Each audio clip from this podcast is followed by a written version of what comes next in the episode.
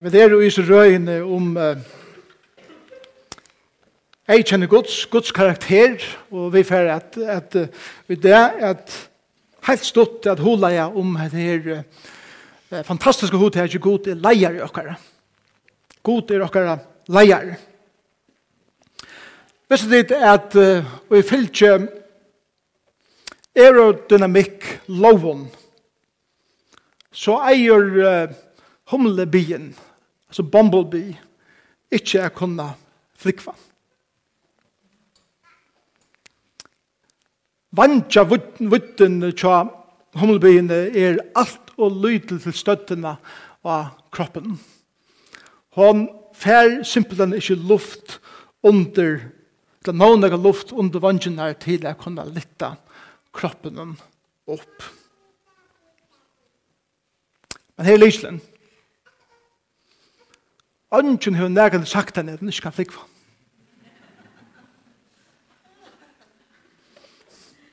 Det er ønsken eksperter. Ønsken serføringer som, som har snakkene fra at flikva. Ønsken har sagt vi henne, er så klar iver at du mån til kroppstingene kjøtt her, så eier du slett ikke kunne flikva. Flikva. Det er ønsken som er kommet ved statistikken og hvordan rasjonelt og møvlet det er ikke henne jeg flikva. Humlabien, hun uh, føler et eller annet vi syna ikke her som er henne vantjer og til et eller annet i henne DNA som sier flikv. Og hun lukser seg selv Jeg kan flykva. jeg eier flykva. Jeg er ikke bare skapt til at krupa rundt av hjørnet som er skrytur.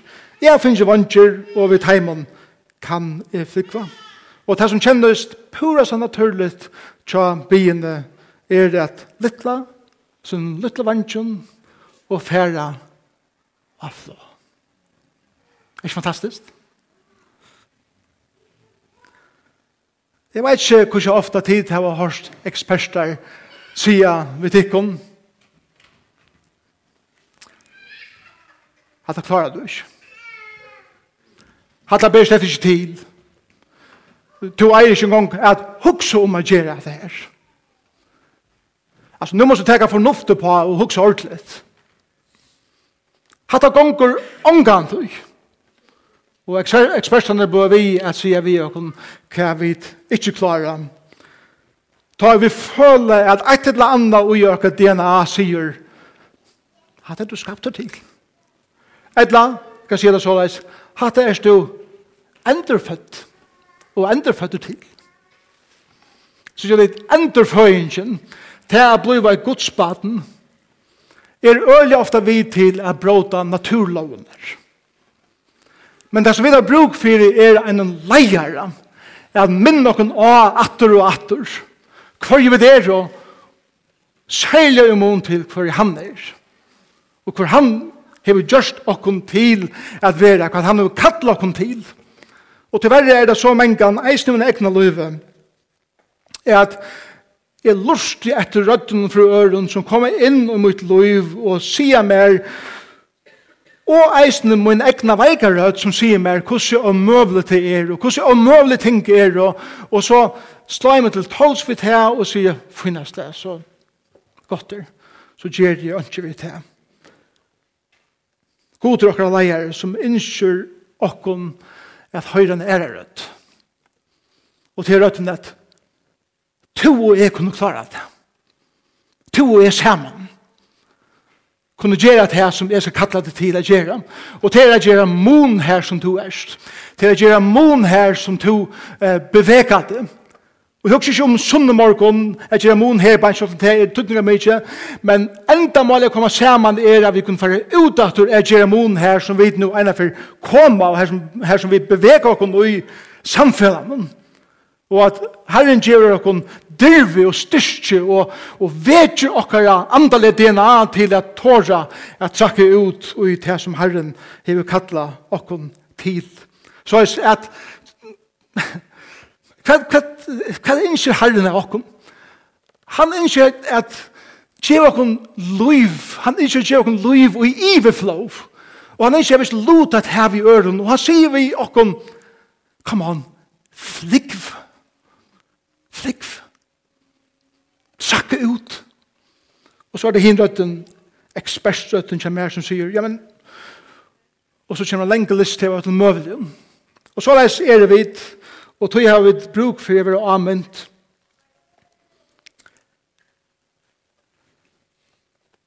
Og er trusht. Anker skumpar under okken, og sier, kom. Kom.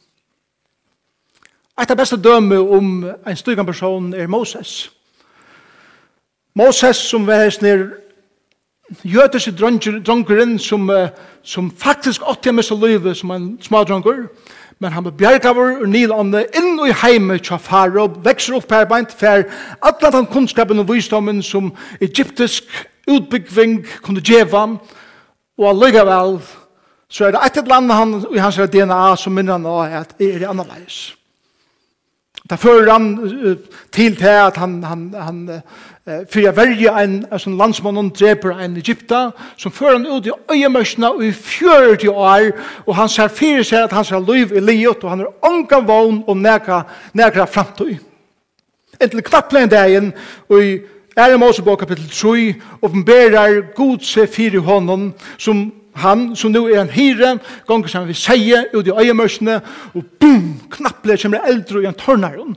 Det var ikke av avvandlet at hjemme døven. Det hender enda i det ut i øyemørsene.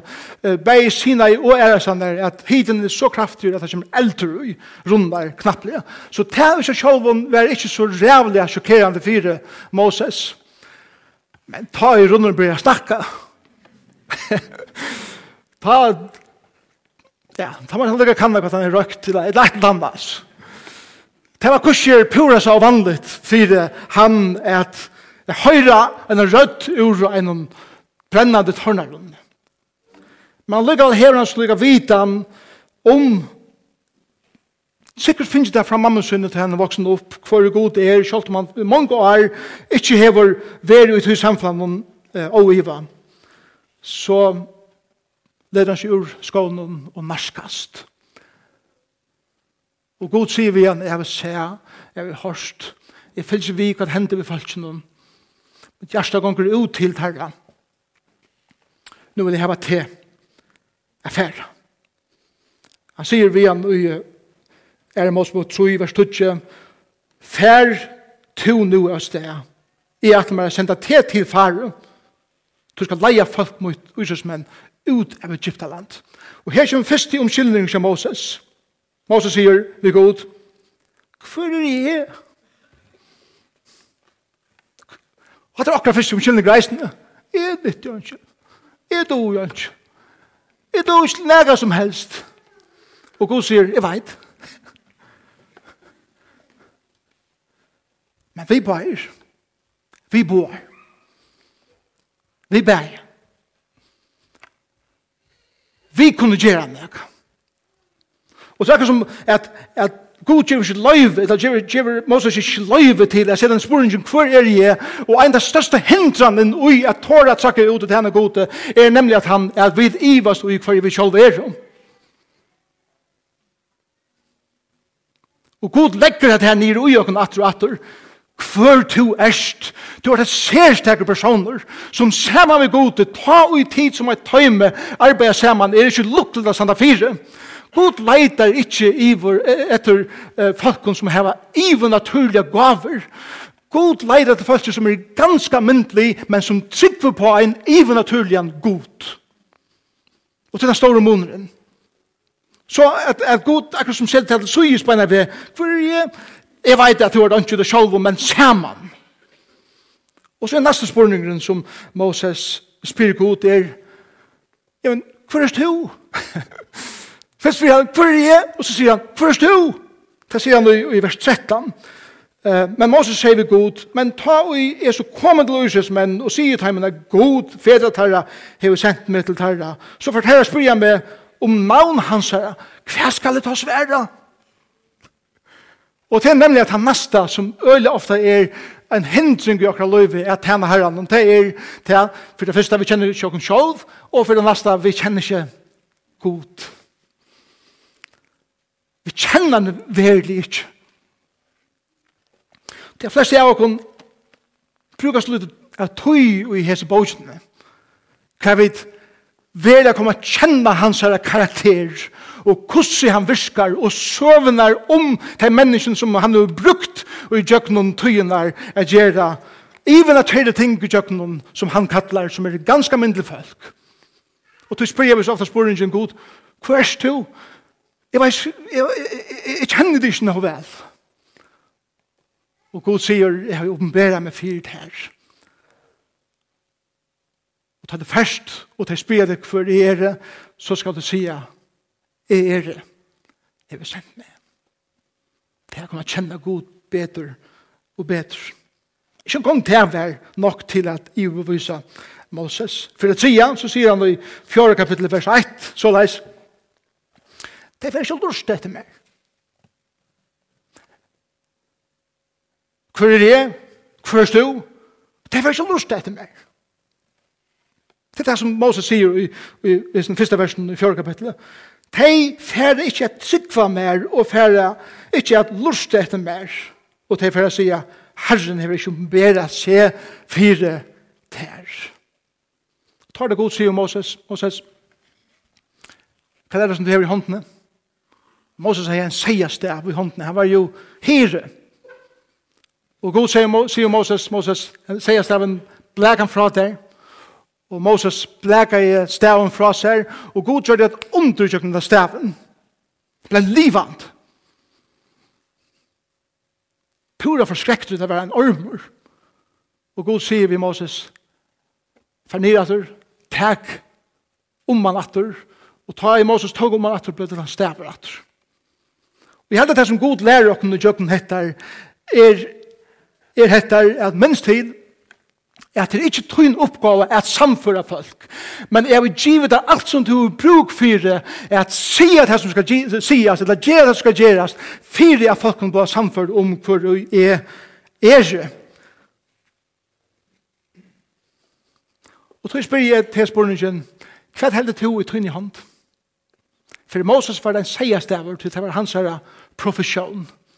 Hvor er tøyn? Hva du tog vel til? Hva Hva er tøyt ambo?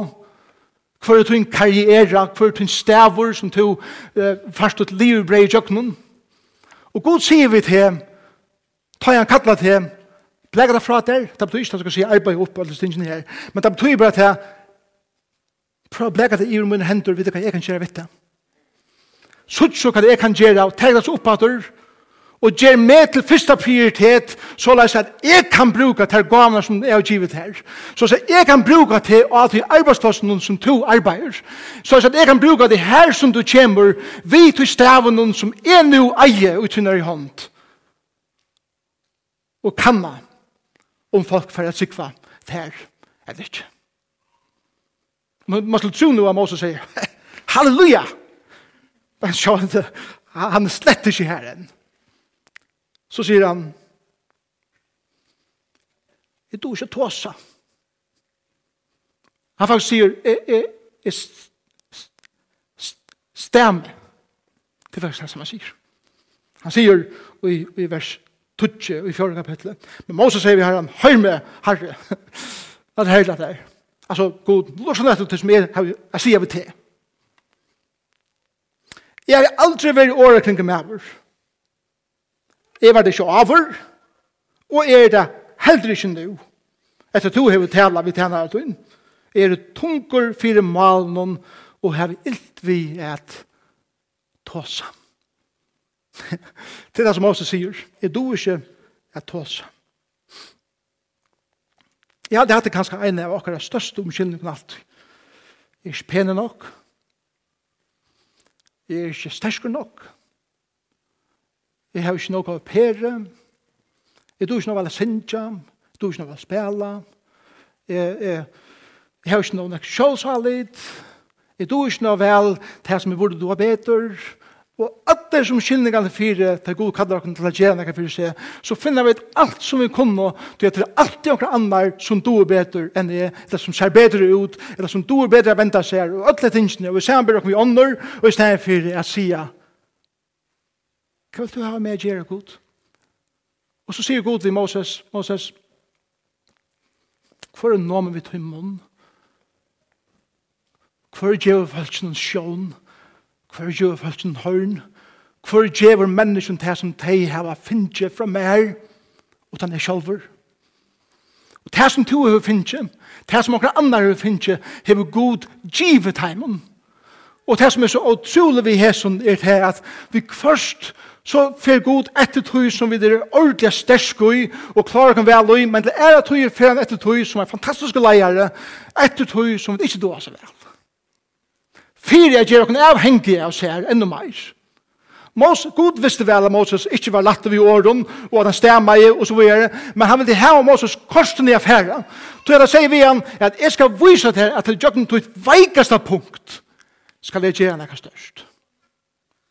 Og det er heller ikke om skyldninger, ta jeg sier, jeg dover ikke, jeg klarer ikke, jeg er ikke god nok. Ta jeg samarbeider med vi ånder, ta jeg sier ikke, jeg god, kattler meg, enda et avvist område, og han skal være med meg.